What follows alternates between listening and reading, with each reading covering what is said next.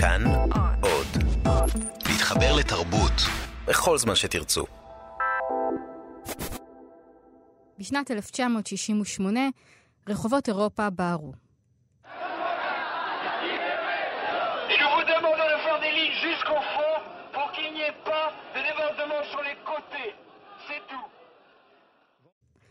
מרד הסטודנטים נפתח במחאה של סטודנטים לסוציולוגיה בסורבון נגד הפרדה בין גברים לנשים במעונות. אבל תוך כמה שבועות הוא התגלגל להפגנות ומהומות שסחפו איתם צעירים, פועלים ותלמידי תיכון בכל צרפת. הלימודים באוניברסיטאות נפסקו. המפגינים חסמו רחובות, הציתו מכוניות וניפצו חלונות ראווה. במשך חודש צרפת פחות או יותר עצרה מלכת. הנשיא שרל דה גול חשש מהפיכה וטס לגרמניה. תוך חודש וחצי המהומה שכחה והחיים חזרו לסדרם. שלטונו של דה גול אפילו התחזק. אבל בגרמניה המרד נמשך בינתיים. הוא נעשה אלים יותר ויצאו ממנו ארגוני טרור שפעלו עד שנות ה-80. שלום, אתם על מרד בכאן תרבות, שבוע שידורי מיוחד לחנוכה. אני צליל אברהם, והמרד שאני בחרתי לדבר עליו הוא מרד הסטודנטים, בצרפת ובעיקר בגרמניה, שם הוא היה טעון, אלים וארוך יותר. לשם כך הזמנתי לאולפן את ההיסטוריון הגרמני והוגה הדעות האהוב עליי, דוקטור עופרי אילני. שלום עופרי. היי. אז בוא, בוא נתחיל ב, בידוע. בצרפת, 22 במרס 1968, אה, לפני 50 שנה וממש קצת. אה, חבורה של סטודנטים מתבצרת בפקולטה לסוציולוגיה, נכון? מהמם, כן. בדרישה למה בעצם? אז זאת אחת השאלות הקשות. בסך הכל, אה, מאי 1968 זה עכשיו אה, big deal מאוד גדול, אה, ה- יום השנה ה-50 לזה. ובאירופה וגם קצת בארצות הברית מציינים את זה אה, בהמון אה, ספרים, תערוכות וכן הלאה, שמעניינות בעיקר את הדור הזה, שבאמת השתתף באירועים האלה. אבל גם אה, אה, מעבר לזה, אצלנו כאן בישראל זה לא, לא יותר מדי אה, מעסיק את אה, דעת הקהל. אה, אבל אחד העניינים זה השאלה היא, מה בעצם, ה- על מה המהפכה מה הזאת הם הייתה. רצו? כן. זה, זאת לא שאלה כל כך פשוטה, בגלל שזאת לא הייתה מהפכה, אה, מהפכת שחרור של איזשהו עם מדוכא, או אפילו של אה, פועלים מרוששים. זה היו גם סטודנטים, אפילו תלמידי תיכון, שפשוט יצאו לרחובות והתחילו להתמרד. להתמרד נגד מה? הם התמרדו בעצם בעיקר נגד החברה הבורגנית, אה, נגד ההורים שלהם, נגד הסדר הקיים, נגד השיטה, מה שאחר כך אה, התחילו לקרוא לזה, כן? אה, כשתוך אמ, לא הרבה זמן, תוך חודשיים או חודש וחצי, זו כבר הופכת להיות מין אה, מחאה אה, במידה מסוימת אלימה ש, ששוטפת את כל צרפת, נכון? זה יוצא מהפקולטה לסוציולוגיה והופך להיות משהו עממי לגמרי. זה התחיל באמת ממחאה בנושא הפרדה בין אה, אה, גברים לנשים אה, בפריז ננטר, באחד הקמפוסים של הסורבון. אה, ולאט לאט זה הפך, או בעצם מהר מאוד, תוך כמה ימים, זה הפך להיות אה, מחאה הרבה יותר רחבה, אה, של הרבה מאוד ארגוני סטודנטים אה, שמאלניים. ושוב, תלמידי תיכון, ובהמשך הצטרפו לזה גם פועלים, והייתה שביתה כמעט כללית בצרפת. המדינה, הרפובליקה הייתה משותקת, בפריז היו בריקדות, מכוניות שרופות וכן הלאה, אה, ככה שהייתה מהומה מאוד מאוד גדולה והייתה תחושה של אה, אה, כמעט אנרכיה. אה, הנשיא דה גול אה, עזב את צרפת במסוק ונחת בגרמניה. כי הוא פחד שישתלטו על השלטון שלו. זה היה נראה רגע, ש... אה, רגע של סף מהפכה. זו הייתה כן. גם תקופה שבה דברים כאלה קרו, נכון? זאת אומרת, היום זה נשמע לנו מופרך. בסך הכל זה אנשים ש... שעדיין זכרו את המהפכות של אה, 1917 וכן הלאה. אז אה, כן, זה היה נראה דבר שיכול לקרות. אבל די מהר, אה, תוך כמה שבועות, אם השיא היה במאי 68, הדברים התחילו להירגע. אה, דה גול ניהל את זה אה, די אה, חכם מבחינה פוליטית. הוא הכריז על, על בחירות, ובבחירות האלה דווקא הימין התחזק, כן? גם משהו שאולי קצת מוכר לנו. אה, מהקשרים מסוימים, ועד עד ה- עד הסתיו, עד סוף השנה, נגיד אם אנחנו נמצאים עכשיו אה, אה, בנובמבר, דצמבר, אה, אז בנובמבר, דצמבר 68, הדבר הזה כבר למעשה חלף בתור מחאה בקנה מידה גדול. ככה שזה היה בסך הכל אה, כמה שבועות של אווירה מהפכנית. ש- שנשארה כמו איזה סמל בתר... של תרבות הנגד, של תרבות הפופ, יש על זה ספרים וסרטים, אבל בעצם זה לא... אז זאת בדיוק השאלה. זה בא והלך. מצד אחד אפשר לומר שהמהפכה נכשלה, כן? לא, לא קרתה שום מהפכה, אה, אפילו אותו נשיא נשאר בשלטון ואפילו התחזק מבחינה מסוימת. מצד שני, אם תשאלי דווקא למשל אנשים מהמחנה הפוליטי היריב, שמרנים, היום, mm-hmm.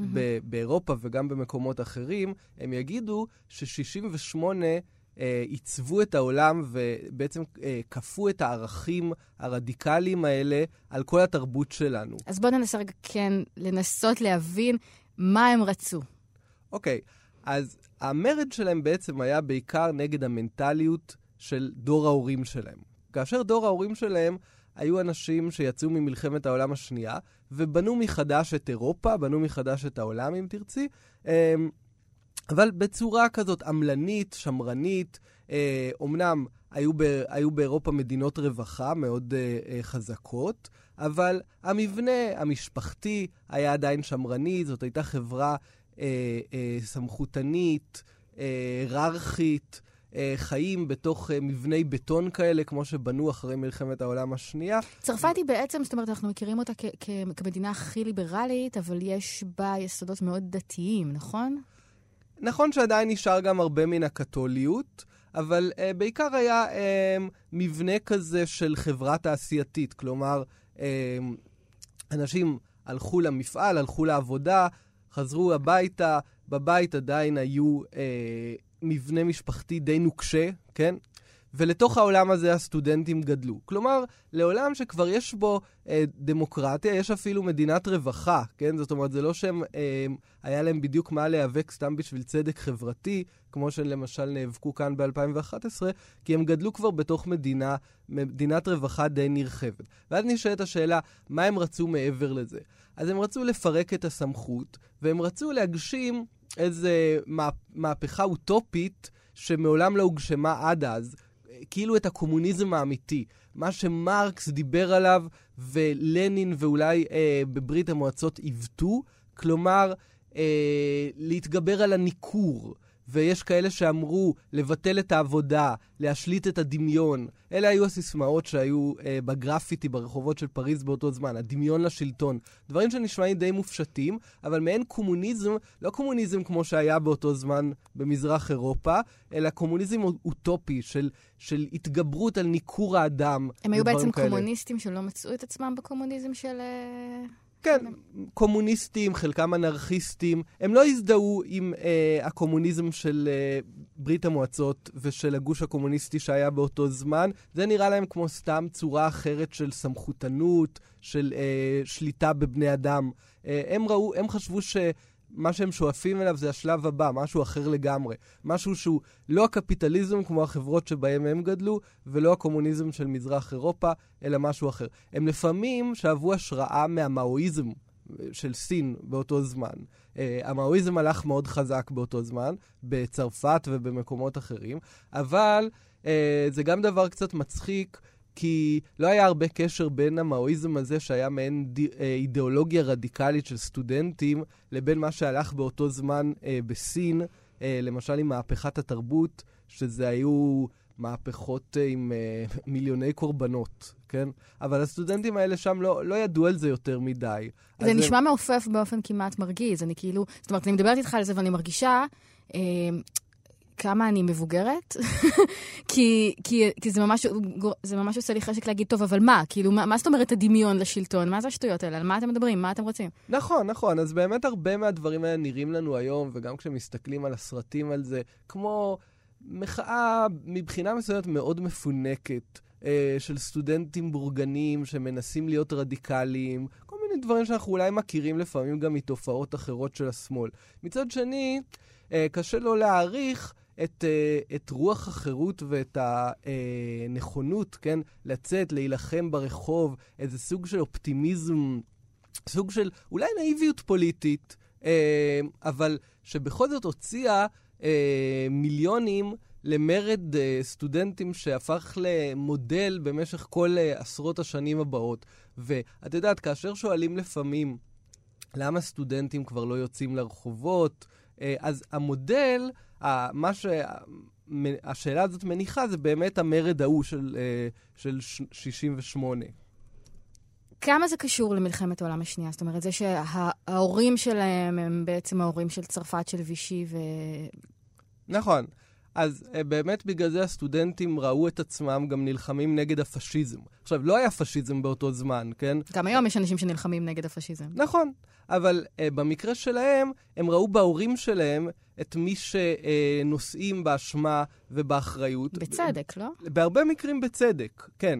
אבל uh, לפעמים הם גם עשו איזשהו חיבור כזה די uh, גס ווולגרי בין פשיזם לבין קפיטליזם לבין ארצות הברית, uh, USA שווה SS, כן?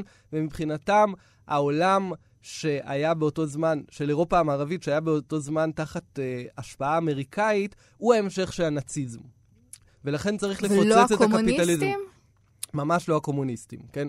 Uh, הקומוניזם שוב, היה להם גם ביקורת על זה, אבל מי שמבחינתם היה ההמשך של הנאציזם זה אה, אירופה הפרו-אמריקאית.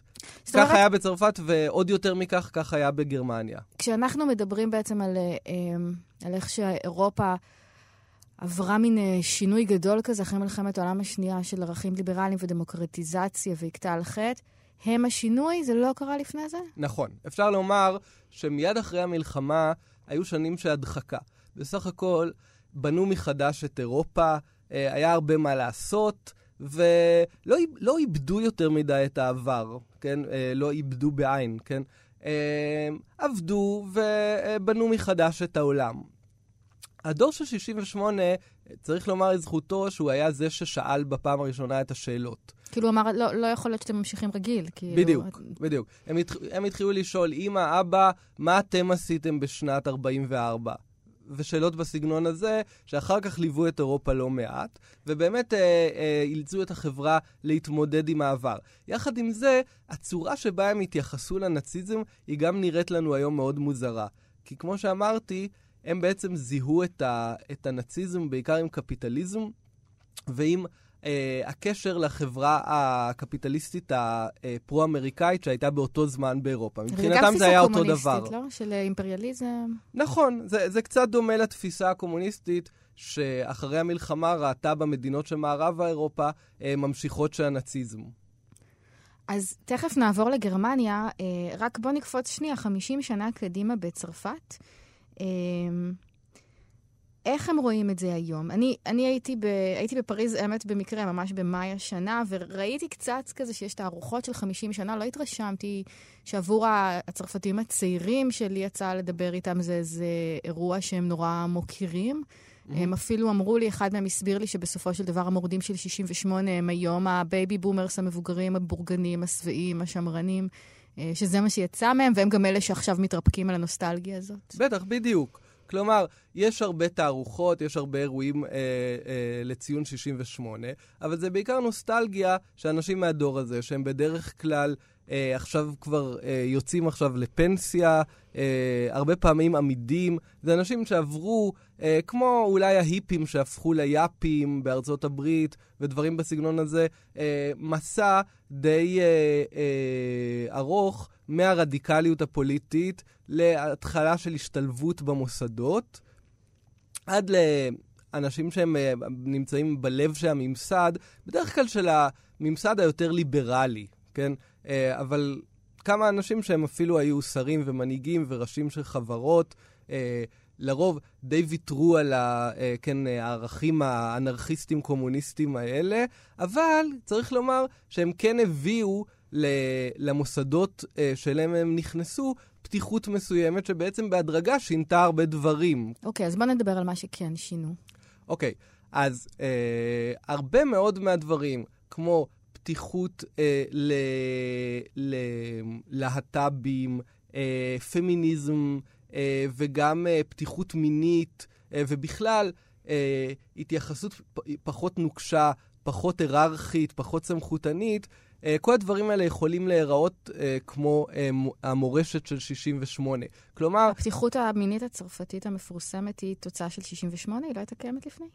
היא הייתה קיימת לפני, אבל לפני כן הייתה חברה שבכל זאת כלפי חוץ הייתה הרבה יותר שמרנית. תחשבי על איך, איך אה, אירופה נראית בתמונות מלפני אה, מלחמת העולם השנייה, קצת אחרי מלחמת העולם השנייה. אנשים לובשים כובעים, אה, הולכים בחליפות.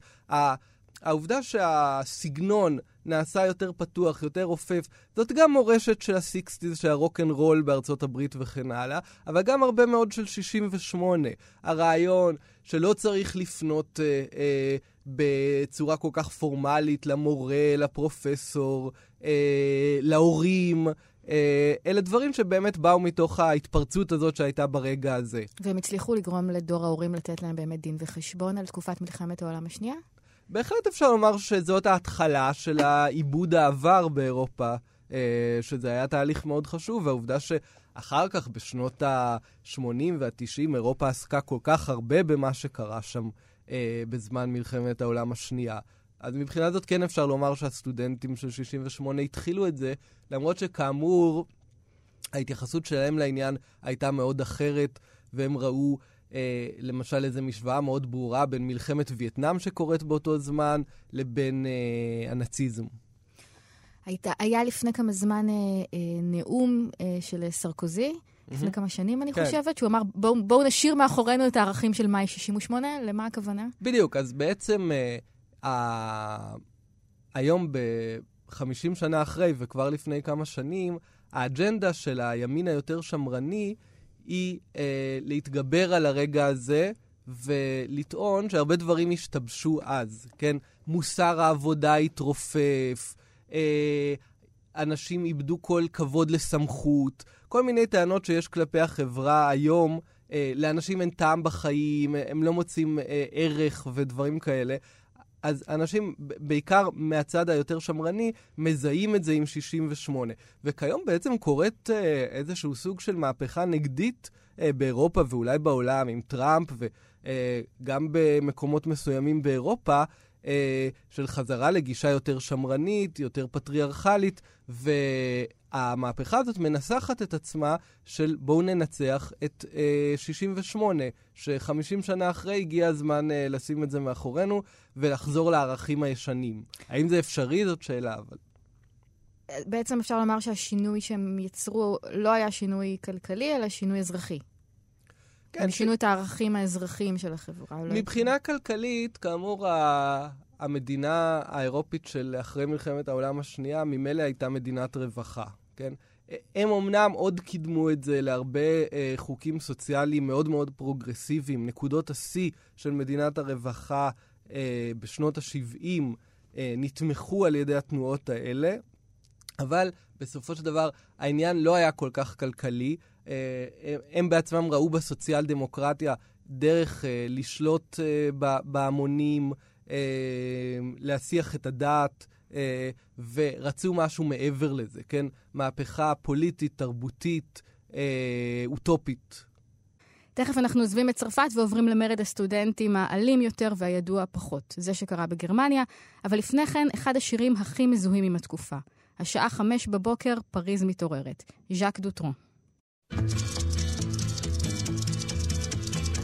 Je suis le dauphin de la place Dauphine et la place Blanche à mauvaise mine. Les camions sont pleins de lait, les balayeurs sont pleins de balais. Il est 5 heures, Paris s'éveille. Paris s'éveille. Les travestis vont se raser, les stripteaseuses sont rhabillées. Les traversins sont écrasés, les amoureux sont fatigués. Il est 5 heures, Paris s'éveille. Paris s'éveille. Le café est dans les tasses, les cafés nettoient leurs glaces. Et sur le boulevard Montparnasse, la gare n'est plus qu'une carcasse. Il est 5 heures, Paris s'éveille. Paris s'éveille. Les banlieusards sont dans les gares, à la Villette on tranche le lard. Paris by night regagne l'écart, les boulangers font des bâtards. Il est 5 heures, Paris s'éveille. Paris s'éveille.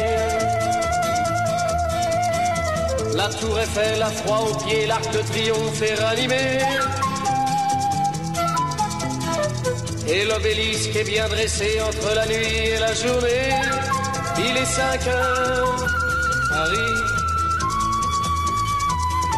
s'éveille. Paris s'éveille. Les journaux sont imprimés, les ouvriers sont déprimés. Les gens se lèvent, ils sont brimés, c'est l'heure où je vais me coucher. Il est 5 heures, Paris se lève. Il est 5 heures, je n'ai pas sommeil.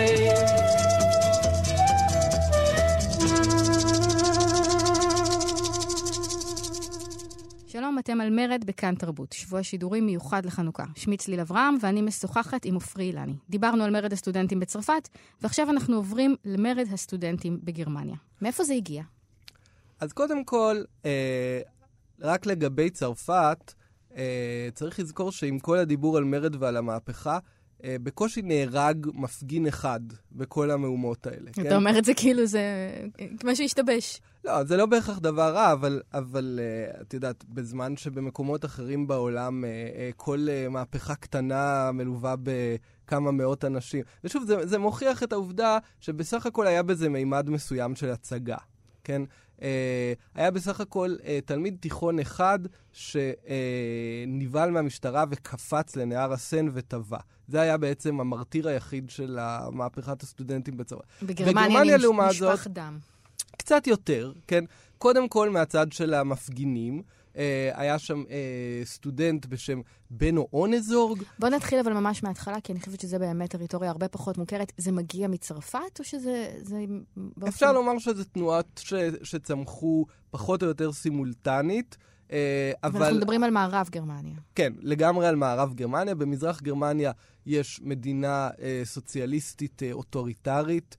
אה, שאין בה בעצם מקום למחאות והפגנות, mm-hmm. אבל במערב גרמניה גם שם אה, נוצרת אה, סצנה כזאת של סטודנטים חתרנים שמתחילים להפגין נגד ארצות הברית, נגד האימפריאליזם האמריקאי, וההתפרצות המשמעותית היא דווקא בביקור השאה האיראני במערב גרמניה.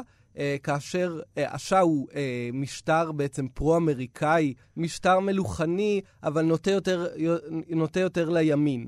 אוקיי. Okay. כן? והם ראו בו, כן, את אחד ממש, ממשתפי הפעולה של הג'נוסייד שהאמריקאים עושים ברחבי העולם. והייתה מחאה מאוד גדולה, ובמסגרת המחאה סטודנט אחד נורא, כן? וברגע הזה אפשר לומר ששערי הגיהינום נפתחו, אה, והתחילו להתארגן אה, אה, תאים מהפכניים שהתחילו לבצע גם uh, סוג של פעולות טרור. מי אלה?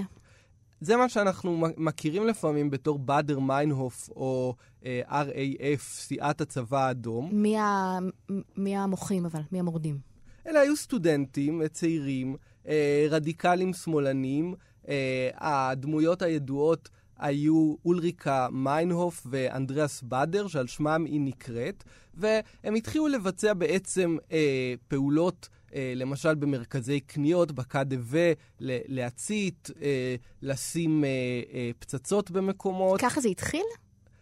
בהתחלה זה, זה, אלה היו מחאות סטודנטים, אה, בעיקר, שוב, אנטי-אמריקאיות ונגד השלטון, mm-hmm. אבל אה, דווקא מתוך, אם בצרפת אמרנו שהדברים אה, לא ממש צברו תאוצה ונבלמו באיזשהו שלב, אז אה, בגרמניה אה, כאשר הלהבות התחילו להתקרר, התחילו תאים של סטודנטים שאמרו, אז צריך להצית את הלהבות בכוח. ובשביל זה צריך לחשוף את האלימות של המדינה. מה, מה הייתה האידיאולוגיה שלהם? הם היו גם אה, מרקסיסטים, אנרכיסטים, אבל הם האמינו שמעמד הפועלים, הפרולטריון, בעצם אה, אכזב, בגד, כי איגודי העובדים לא כל כך תמכו במחאות האלה של הצעירים. הם התעניינו כבר באותו זמן בפנסיות, במטרות יותר מטריאליות, והרבה פעמים גם קיבלו אותן במידה כזו או אחרת. ופה אנחנו מדברים אה, ממש על, ה- על הילדים שההורים שלהם לא היו משתפי פעולה, כמו דור ההורים בצרפת, אלא ממש אה, אזרחי גרמניה הנאצית. נכון, ולפעמים נאצים בכירים. אז באמת, אה, חלק גדול מהאג'נדה של הסטודנטים בגרמניה היה לחשוף אנשים, חלקם אנשי אס-אס, שהיו אה, אה, עמוק בתוך הממסד הגרמני. כמה ונגדם זה- הם יצאו, אה, והם לא רק חשפו אותם, אלא ביצעו נגדם גם התנקשויות. אה, אבל אלה היו אנשים שישבו בהתאחדות התעשיינים הגרמניים, בממשלה, בכהני בנקים, אה, אנשים לכאורה מאוד מאוד מכובדים, והם באו ובעצם אה, אה, פעלו נגדם, אבל לפעמים בצורה מאוד מאוד אלימה.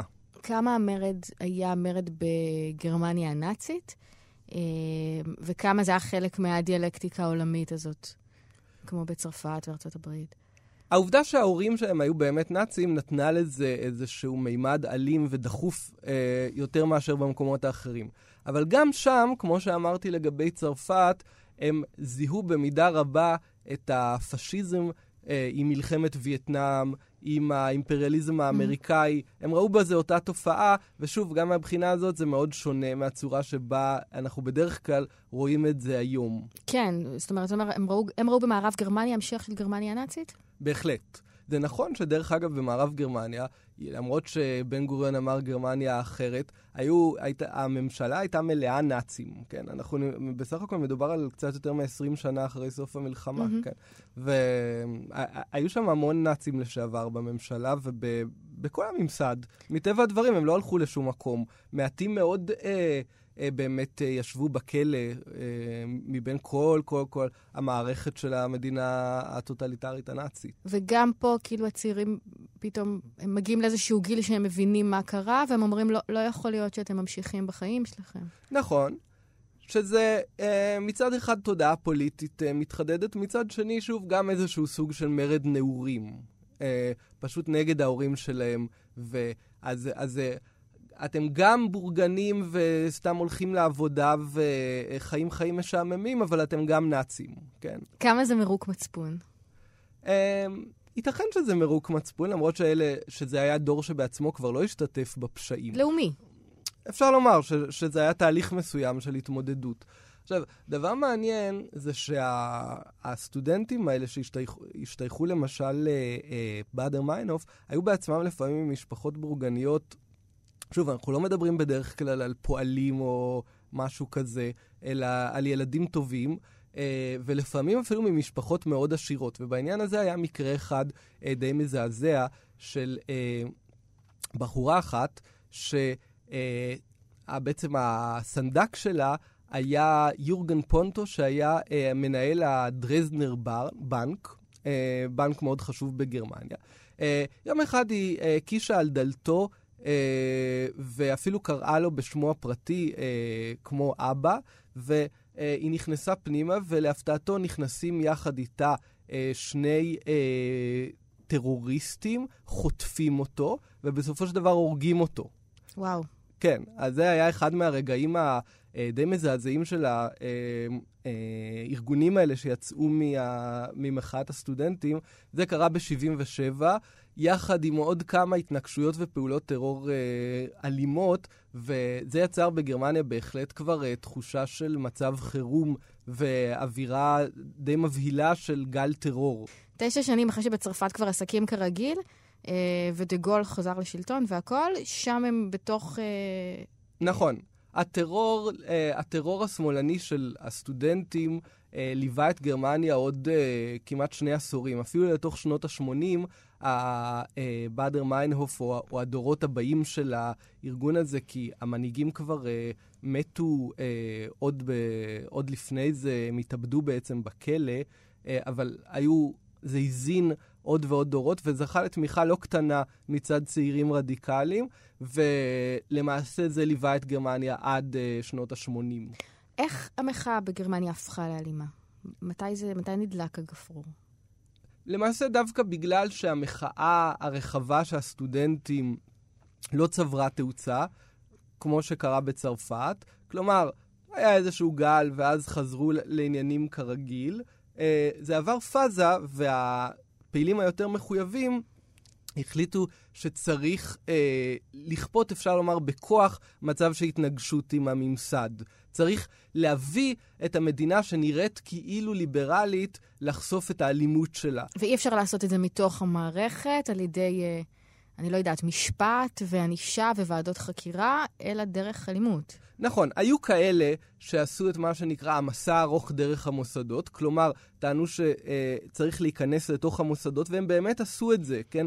אה, אם תיקחי למשל אנשים שאחר כך היו מנהיגי גרמניה, גרהרד ש- שרדר, יושקה פישר, הם גם היו אה, בעצם אה, תוצרים של אה, מחאת הסטודנטים ב-68, ועוד אז התעמתו עם שוטרים, התפרסמו אחר כך אה, תמונות, אה, אפילו בצורות אלימות, אבל הם בחרו בדרך של השתלבות בתוך המוסדות ורפורמה אה, אה, הדרגתית. לעומת זאת, היו את אלה שטענו שצריך להביא למצב של עימות, צריך להביא למצב של אנרכיה, אה, וקיוו שלמשל אה, המאושפזים בבתי החולים הפסיכיאטריים יעזרו להם. היו להם כל מיני רעיונות כאלה. כיוון שהפרולטריון אכזב אותם, כן? אז הם טענו שצריך להתחבר לפושעים, למשוגעים, לכל מיני אומנים אה, חופשיים וכן הלאה, וזה מה שיביא לאיזה פאזה חדשה מהפכנית. בסופו של דבר, גרמניה אה, באמת עושה את החשבון נפש הזה ומשתנה מאוד, אה, ומוקיעה מתוכה את הנאצים. זאת אומרת, הם הצליחו באיזשהו מקום. מבחינת ההתמודדות עם העבר, בהחלט אפשר לומר שכן. יש הטוענים שלא היה צריך בשביל זה אותם, בטח לא היה צריך בשביל זה אה, את הטרוריסטים של באדר מיינהוף. אה, אבל אה, אי אפשר לקחת להם את זה שהם היו בין אלה ש, שהובילו את המהלך ו, והיו חלוצים ב, בהתמודדות עם העבר. יש פה משהו, תקן אותי אם אני טועה, נדמה לי שזו הפעם האחרונה ש, שאנחנו רואים טרור משמאל?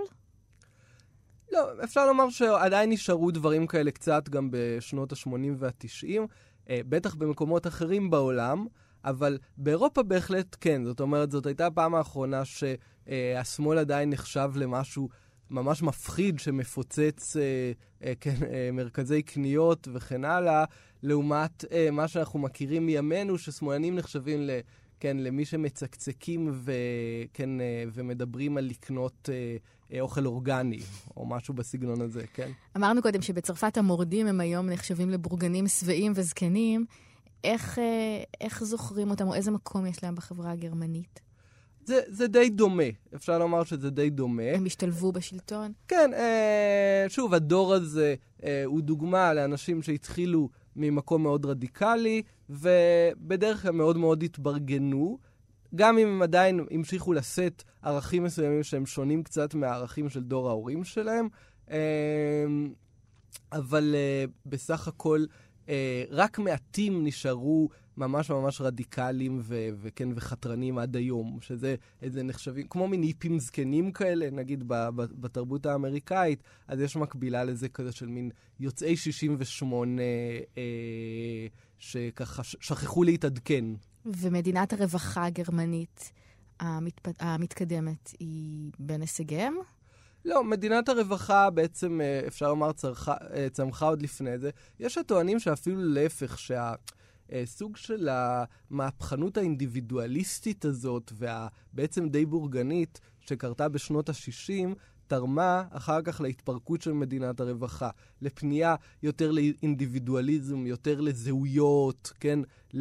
לזהויות מיניות, אתניות, שזה מגדריות. שזה בעצם הרובד הפילוסופי והסוציולוגי של המהפכה הזאת, נכון? הוגי דעות שהיו להם שפירקו את הלאומיות באיזשהו מקום. כן, אבל מעבר לזה, אם תחשבי גם על שנות ה-60 בארצות הברית, כן? אלה היו אנשים אה, אה, שמאלנים, אה, אפשר לומר אה, לפעמים אפילו מרקסיסטים, אבל בעצם הם קידמו אידיאולוגיה של אינדיבידואליזם שבמשך הזמן השתלבה ממש לא רע עם ניאו-ליברליזם, כן? עם העולם החדש שלתוכו אנחנו גדלנו, של אה, עיסוק בעצמי, עיסוק בזהויות, עיסוק בהגשמה עצמית, אה, אבל הרבה הרבה פחות קולקטיביות, הרבה הרבה פחות אה, סולידריות חברתית, הרבה הרבה פחות, אה, לא יודע, קביעות תעסוקתית וכן הלאה. כל אלה במידה מסוימת הם גם תוצרים של 68. זה מדהים שאתה אף פעם לא יכול להיות שמאלני מספיק. כל מה, כל מה שתעשה, אפילו אם אתה טרוריסט, שמאלני וקומוניסט, בסוף אתה גרמת לשיתוף פעולה עם הסדר הקיים. מתברר. ויש איזשהו קשר בין באדר מיינוף לטרור הפלסטיני באותה תקופה, נכון? כן, בטח, בגלל שאחד המאבקים שהם ראו בהם אה, את המאבקים המהפ... המהפכניים, האנטי-אימפריאליסטיים באותו זמן, זה היה באמת המאבק הפלסטיני, המהפכה הפלסטינית, אה, שאנחנו נמצאים, אה, כן, אה, ב- בעצם בתחילת שנות ה-70, סוף שנות ה-60, ואנשים אה, מהשמאל הגרמני מצטרפים למחנות אימונים של פת"ח, ובמקרים מסוימים אפילו מצטרפים לפעולות אה, של הפת"ח. כמו המקרה המפורסם של החטיפה של uh, מטוס אייר פרנס לאנטבה. Uh, אלה היו בעצם uh, uh, אותם גרמנים שהשתתפו בחטיפה הזאת, וזה ידוע שהיו שם גם גרמנים, uh, היו בעצם סטודנטים שמאלנים, תוצרים של uh, מרד הסטודנטים. אבל הניסיון שלהם להכות על חץ גרמניה הנאצית לא אמור לגרום להם להיות בעד ישראל? בדיוק. מה השתבש? בדיוק. אז, אז זאת שאלה אה, מעניינת. הם באמת הגיעו למצב שהם אה, אה, מזהים, אה, כיוון שמבחינתם הנאציזם שווה לאימפריאליזם, שווה לאמריקאים, ישראל היא פרו-אמריקאית, הציונות היא המשך של הנאציזם וצריך להילחם בה, והם זיהו איכשהו את עצמם בתור ה... ה הממשיכים של ניצולי אה, אושוויץ וטרבלינקה, ולא את הישראלים שעמדו מולם, כן? אה, אחר כך, בשמאל הגרמני, היה איזושהי התמודדות עם המערך אה, הזה, שהביאה אה, להכאה על חטא, ומאז שנות ה-90 השמאל הגרמני הוא מאוד פרו-ישראלי. כלומר, גם השמאל הרדיקלי הוא הרבה הרבה יותר פרו-ישראלי מאשר אה, המקבילות שלו, למשל בצרפת, אה, או במקומות אחר, אחרים. אבל באותו זמן, באמת, שוב, התפיסה שלהם של אה, מי נושא באחריות ומה בעולם הנוכחי מייצג את ההמשכיות של הנאציזם, הייתה מאוד מאוד שונה מהצורה שבה רואים את זה בדרך כלל היום. נשמע לי שהם השתמשו במילה נאציזם מאוד בקלות. בהחלט. פשיזם הם בדרך כלל היו אומרים, כי זה, זה מין הגדרה יותר כללית. אה, טוב, את זה אנחנו מכירים גם היום של שימוש קצת אינפלציוני במילה פשיזם. כן. אנחנו נחזור שוב שנייה לצרפת רק לצרכים מוזיקליים. האנרכיסטים הוא שיר שפרסם לאו פרה בשנת 1969 באלבום שנקרא קיץ 68. Rien n'a pas sur cent, et pourtant ils existent, la plupart espagnols. Allez savoir pourquoi, faut croire qu'en Espagne, on ne les comprend pas, les anarchistes.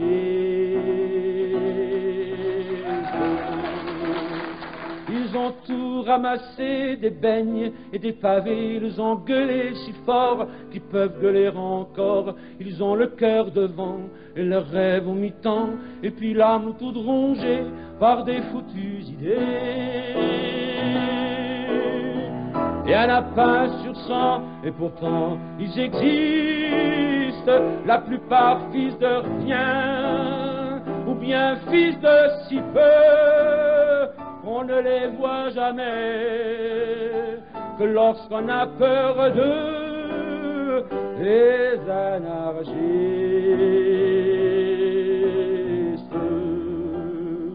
Ils sont morts cent dix fois pour que dalle, et pourquoi Avec l'amour au point sur la table ou sur rien Avec l'air entêté qui fait le sang versé Ils ont frappé si fort qu'ils peuvent frapper encore. Il y en a pas sur cent et pourtant ils existent. Et s'il faut commencer par les coups de pied au cul Faudrait pas oublier ça descend dans la rue, les anarchistes.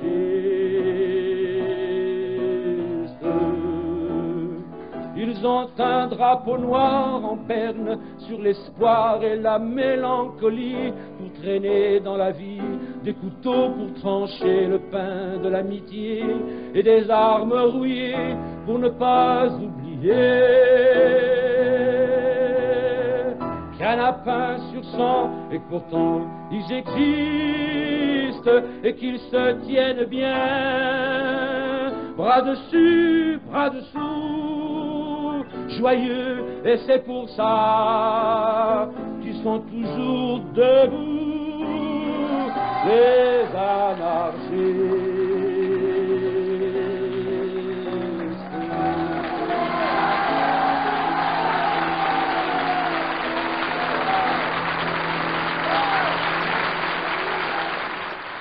אתם על מרד בכאן תרבות, שבוע שידורים מיוחד לחנוכה. שמי צליל אברהם ואני משוחחת עם דוקטור עופרי אילני, דיברנו על מרד הסטודנטים בצרפת ובגרמניה, ועכשיו נדבר על מה שקרה במדינות אחרות ועל איך כל הסיפור הזה נראה היום בפרספקטיבה היסטורית. מעניין אותי מה שקרה באיטליה.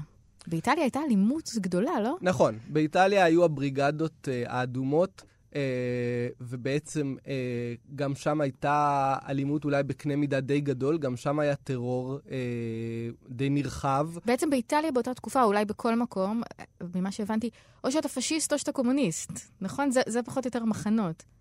יותר מאשר היום, כן? אה, זאת אומרת, אה, ההבחנות היו הרבה יותר חדות אה, באותו זמן. צריך אבל לומר, להזכיר, אם את שואלת על מקומות אחרים, להזכיר שבאותו זמן במזרח אירופה קרה משהו בטח לא פחות דרמטי. האביב של פראג, כלומר, הדיכוי של מצד ברית המועצות, של הניסיון של צ'כוסלובקיה ליצור איזו גרסה אחרת יותר הומנית של קומוניזם. בוא ניתן איזה רקע. באותה תקופה בצ'כוסלובקיה ובפראג הייתה באמת איזו פריחה הומניסטית, נכון? נכון, כן. אה, היה איזשהו ניסיון, אה, אפשר לומר, לרופף את השלטון הסוציאליסטי הקשה, כן? אה, בהשפעת ברית המועצות, אה, ובאמת הייתה שם פריחה מאוד גדולה, מה שנקרא האביב של פראג, אבל מהר מאוד פשוט אה, ברית המועצות נכנסה עם טנקים ודיכאה את, את מה שקורה שם.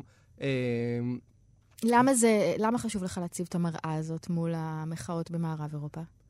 אני חושב שיש הטוענים, ויש בזה מידה מסוימת של צדק, שעם כל העיסוק הזה בכל מיני סטודנטים אה, אה, מהפכנים אה, רדיקליים בפריז או, או בברלין, ההתנגשות הבאמת משמעותית שהייתה ממש באותו זמן, באותה שנה, הייתה כמה עשרות קילומטרים מזרחה משם, בפראג. אתם רוצים כן? אלימות? זאת אלימות.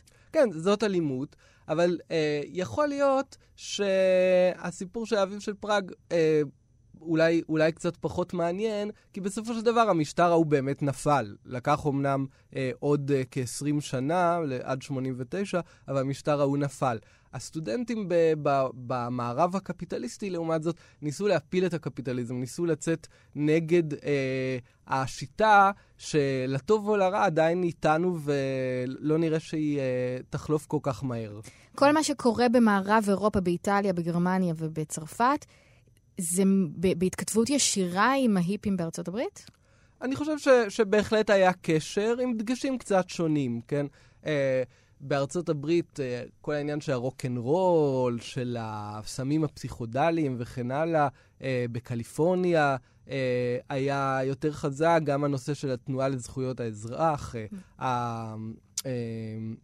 הזכויות של השחורים, וכ... אז היו, היו דגשים אה, מעט אחרים. בטח הם לא היו קומוניסטים בארצות הברית. לא, חלק מהם היו בעצם מרקסיסטים, כן. אה, זאת אומרת, מהסטודנטים הרדיקליים, אה, המתנגדים של אה, מלחמת וייטנאם. Mm-hmm. אה, שוב, זה לא קומוניסטים אה, כמו הרוסים באותו זמן במזרח אירופה, זה מין צורה כזאת של, של רדיקליזם. קשה נורא כן. להבין את זה היום. זאת אומרת, נכון. קשה להבין שחיית בעולם שהיו בו שתי תפיסות עולם, שקומוניזם הייתה תפיסת עולם יחסית לגיטימית, עם כל מיני גוונים, ואנשים נורמטיביים בחברה הקפיטליסטית הליברלית החזיקו בה. והתווכחו עם טרוצקיזם או לניניזם, זה... זה... נכון, זה זר לנו. כן. אה, ואנחנו מאוד מאוד רחוקים מהתודעה הזאת שהייתה אז, כן? אה, בין אם נאהב את זה או לא, אנחנו מאוד מאוד רחוקים. אנחנו חיים בעולם שהוא מבחינה מסוימת הרבה יותר שמרני, בטח מבחינה פוליטית ובטח מבחינת השקפות. אה, נטע הרבה הרבה יותר לכיוון הימין, תוך כדי זה ששוב, הוא הפנים גם דברים מסוימים מתוך המורשת שהרגע ההוא של שנות ה-60. בישראל באותה תקופה, ריאה. ממש כמעט כלום. כן, צריך לזכור שישראל ב-68 היא בסך הכל נמצאת uh, קצת אחרי uh, 67, כן? מלחמת הש- ששת הימים. כן. אנחנו נמצאים בעניינים לגמרי אחרים. Uh, בסך הכל מדינה צעירה, קולקטיביסטית, uh, שנמצאת בסוג של מאבק, ובקמפוסים uh, בישראל אולי הייתה התעניינות מסוימת במה שקורה באירופה, אבל אם מסתכלים על הכיסוי בעיתונות של אה, המחאות אה, באירופה, בארצות הברית, אה, מתייחסים על זה די בתור איזה סוג של חייזרים, דברים מוזרים כאלה לא הבינו מה זה. כן, אפשר להגיד, כן. גם לא בקיבוצים? אולי הייתה קצת התעניינות בקיבוצי השומר הצעיר, אה, אבל זה היה מאוד מאוד בשוליים, כן? אה, ראיתי ראיון שנעשה באותו זמן עם יושב ראש התאחדות הסטודנטים, והוא אמר, מה, מה סולידריות עם מה או אה, קומוניזם? אנחנו אה, משרתים אה, בגשר אלנבי ולובשים אה, מדים, ו... אה, מה שמעניין אותנו באותו זמן, כן? זאת אומרת, אה, גישה הרבה יותר מיליטריסטית, הרבה יותר מגויסת וקולקטיביסטית, אה, ולכן זה באמת לא כל כך הורגש כאן. כן? עד אחרי מלחמת יום כיפור, נכון? נכון. בשנות ה-70 בעצם ה-60's הגיעו לישראל, והתחילו השפעות אה, אולי יותר תרבותיות, כן? גם של הסגנון. וגם של uh, רעיונות מסוימים. אבל צריך ש... שיהיה איזשהו שבר של אמון במדינה כדי שדבר כזה בכלל יתאפשר. כנראה שכן, כנראה שכן. Uh, אחרי 67' זה בטח לא היה הזמן המתאים למחאה אנטי-ממסדית. אנחנו בחברה מאוד מיליטריסטית, סוגדים ל- לאלופים, לגנרלים, uh, לטנקים וכל uh, דבר uh, חוץ מאווירה כזאת של... Uh, כמו שהייתה בפריז באותו זמן. אני רוצה כן לנסות למצוא נקודת השוואה לישראל. כשקראתי על המרד בצרפת, לא mm. בגרמניה, אה, אז היו כל מיני כותרות וכל מיני רמיזות וכל מיני כאלה שהשוו את המרד הזה למחאת האוהלים שלנו ב-2011, ולא בקטע טוב. נגיד mm-hmm. היה פודקאסט uh, בכאן שעסק בזה, והכותרת שלו הייתה העם דורש כל מיני דברים. Mm-hmm. משהו בעמימות ובחוסר יכולת לאפיין גם את המוחים וגם את הדרישות שלהם, פתאום מרגיש טיפה מוכר. נכון, קודם כל, לטוב ולרע, זה נמשך בערך אותו זמן, כן? אה, כמה שבועות של אווירה די מהפכנית, שהשלטון קצת רעד, ובסופו של דבר, גם ב-68' אה, בצרפת, גם ב-2011 בישראל, לא רק שהמשטר לא השתנה, אפילו אותו אה, מנהיג נשאר אה, על כיסאו, כן? אז מבחינה זאת זה די דומה, כן?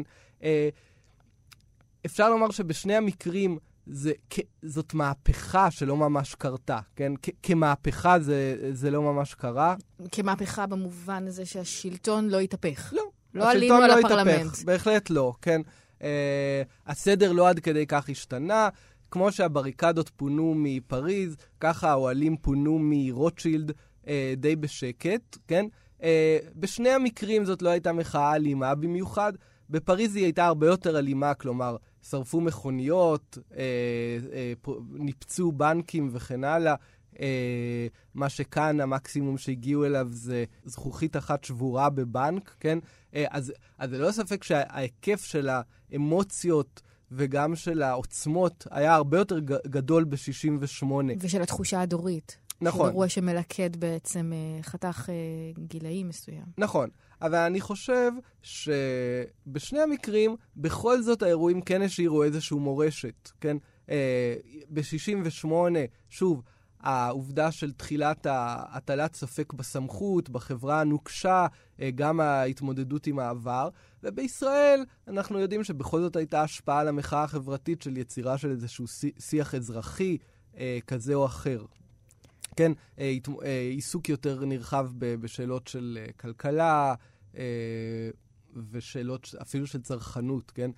אמנם פחות מאשר מה שדיברו עליו באותו זמן של מהפכה, כן? זרמי עומק כאלה. כן, אבל יש זרמי עומק, ומי שנצרפו, אם תרצי, ש, שעברו דרך שהיו ברחובות באותו זמן, זה, זה מותיר בהם איזושהי חוויה שאולי אה, נשארת איתם. אבל בשני המקרים, אה, רגע מהפכני כזה גם מוביל לפעמים לריאקציה. כלומר, אה, לתנועה לכיוון השני, לתנועה לכיוון שמרני, כן? אה, המהפכה אה, השמאלנית נכשלת, ואז בעצם יש איזשהו סוג של מהפכת נגד. שזה קרה, זאת אומרת, גם פה הימין התחזק במערכות הבחירות שהיו אחרי מחאת אוהלים. אה, כן, ואני חושב שאפילו המנטליות הקפיטליסטית מבחינות מסוימות התחזקה. יש תודעה צרכנית ואזרחית מסוימת, אבל הרעיון של מדינת רווחה, של צדק חברתי, אה, הרבה פעמים נראה שהוא אפילו נשחק, שאנשים אה, כבר רואים בזה משהו הזוי, כן? אה, ואולי אפשר לראות ב-2011 את ההתפרצות האחרונה של איזה אה, אה, אידיאליזם אה, ומחשבה על סולידריות בדברים האלה. יש משהו בחוויה של התפכחות שאי אפשר לחזור ממנו אחורה. זאת אומרת, אם אתה נמצא בתוך הרגע הזה, בשדרה, בכיכר, בהפגנה, ואז אתה עובר את השלב הזה של כאילו, אוקיי, זה לא הצליח, או זה לא הצליח כמו שרציתי, או הייתי צעיר ותמים, כאילו משהו כבר ב- בשיח החברתי לא יחזור אחורה. בדיוק. יש מין אווירה של התבגרנו מזה, וזה לא, ו... נכון, אפשר לראות את זה גם. אה, שגם אחרי המחאה של 2011, האלה, היו את אלה שנשארו נאמנים למחאה ב-2012, אולי גם ב-2013, עדיין אמרו, אה, חבר'ה, צאו לרחובות, בואו ננסה להצית מחדש. כל פעם אה, דפני ליף הלכה עוד פעם לשדרות רוטשילד ואמרו, אולי משהו מחדש מתעורר. וכל פעם ההתפרצות הייתה יותר ויותר קטנה, ומי שנשארו נאמנים ומדברים כל הזמן על אה, מחאת האוהלים, כבר התחילו להישמע בהדרגה קצת יותר טרחנים, קצת יותר אה, מעייפים, כן? אה, ובהחלט אפשר לומר אה, שזה די דומה למה שקרה עם המורשת של 68, אה, שהיו את אלה שנאחזו, נאחזו ב... אה, באווירה המהפכנית, ברגע המהפכני הזה של 68, אבל משנה לשנה הם כבר נראו קצת כמו מין המוהיקנים האחרונים, אידיאליסטים כאלה, קצת מעייפים, ויאללה, הלאה, בואו בוא נראה, אנחנו כבר בעולם אחר. בעיה, כן. מכונות נעורים שהן לא, לא מזדקנות יפה. זה נכון. אני חושבת על הצעירים בצרפת שיש להם היום בעיות כלכליות אמיתיות. הם סובלים מאבטלה, קשה להם מאוד למצוא עבודה, גם אם כן זה בכל מיני חוזים כאלה כדי שלא יצטרכו לתת להם עבודה קבועה.